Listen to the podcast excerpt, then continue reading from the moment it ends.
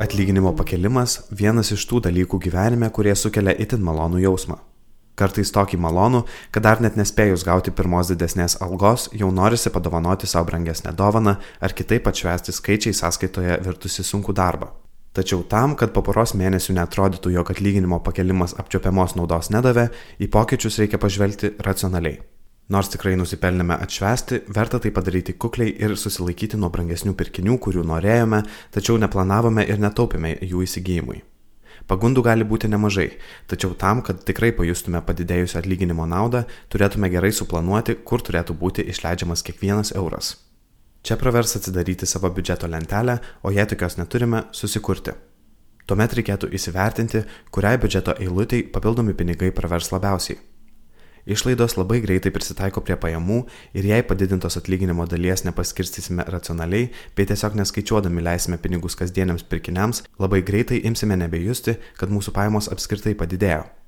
Jei neturime sutaupę finansinio rezervo netikėtam pajamų sumažėjimui ar išlaidų padidėjimui, pavyzdžiui dėl lygos, traumos ar staiga sugedus automobiliui, reikšmingą dalį verta nukreipti ten. Mūsų finansinis rezervas turėtų sudaryti 3-6 mėnesių išlaidų dydžio sumą. Jau po kelių mėnesių matysime apčiuopiamą padidėjusio atlyginimo rezultatą santaupoms skirtoje sąskaitoje. Galbūt netolimoje ateityje esame nusimatę stambesnį pirkinį, o gal turime svajonę sukaupti pradinį įnašą nuosavam būstui. Šiuos finansinius tikslus papildomos pajamos taip pat tikrai padės pasiekti greičiau. Apskritai padidėjus pajamoms pirmiausia verta padidinti taupimo ir investavimo eilutes, o ne išlaidų eilutę. Nes net ir smulkios, neretai nebūtinos išlaidos mėnesio gale virsta apčiuopiamomis sumomis, tad kaip jau minėta anksčiau padidėjęs atlyginimas išlaidų eilutėje gali pradingti kaip dūmas. Valstybės institucijos skaičiuoja, kad papildomai nekaupdami antros pakopos pensijų fonde, nekaupdami ar neinvestuodami savarankiškai, sulaukę pensinio amžiaus galime tikėtis maždaug 30 procentų savo atlyginimo prieš pensiją siekiančių pajamų. Pamėginkime įsivaizduoti, kad kitą mėnesį gausime 30 procentų savo atlyginimo ir nesunkiai suprasime, kaip būtų sudėtinga jaustis finansiškai saugiai bei patenkinti visus savo poreikius. Taigi papildomos pajamos iš padidėjusio atlyginimo ar bent reikšminga jų dalis gali būti nukreipta į kaupimą senatviai.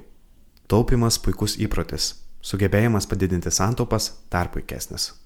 Taigi jei ilgai nesiryžome pamėginti investuoti, uždirbtas papildomas pajamas verta įdarbinti. Daugelis klaidingai mano, kad investuoti gali tik finansų ekspertai ir tam reikalingos didelės sumos. Tiesa ta, kad investuoti galima ir mažas, kelias dešimtis eurų siekiančias sumas, tačiau svarbu pradėti investuoti kuo anksčiau, pavyzdžiui, tik pradėjus gauti pajamas ir daryti tai reguliariai.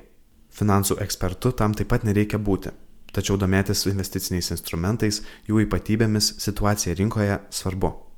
Neretai investuotojai pradeda nuo investicinių fondų, Šiuose fonduose esantį investuotojų turtą valdo profesionalus valdytojas, tad pačiam nereikia priimti sprendimų dėl konkrečių įmonių akcijų ar kitų vertybinių popierių, į kuriuos investuojamos lėšos bus nukreipiamos.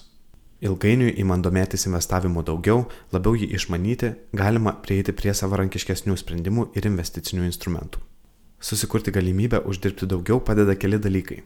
Tarp jų ir kokybiškas poilsis, leidžiantis į darbus sugrįžti su naujomis jėgomis Tad dalį pinigų verta pataupyti atostogoms. Mūsų emocinė būklė labai svarbi siekiant karjeros tikslų. Tuo metu kvalifikacijos kelimas ar kitoks profesinių žinių ir įgūdžių tobulinimas turi tiesioginės įtakos mūsų galimybei uždirbti dar daugiau. Todėl padidėjus atlyginimui visuomet verta apsvarstyti, ar kalbų tam tikros kompiuterio programos kursai nepadėtų ilgainiui tikėtis pakilimo pareigose bei dar didesnio atlyginimo. Be kitako, juk tobulėjimo, augimo jausmas savaime yra apdovanojantis. Na ir galiausiai, nors svarbu racionaliai suplanuoti, kokias biudžeto eilutes turėtų papildyti padidėjęs atlyginimas, visiškai pamiršti ko nors džiuginančio savo tikrai nereikia. Tačiau ir pramogos, malonus pirkiniai turėtų būti planuojami, o ne impulsyvūs.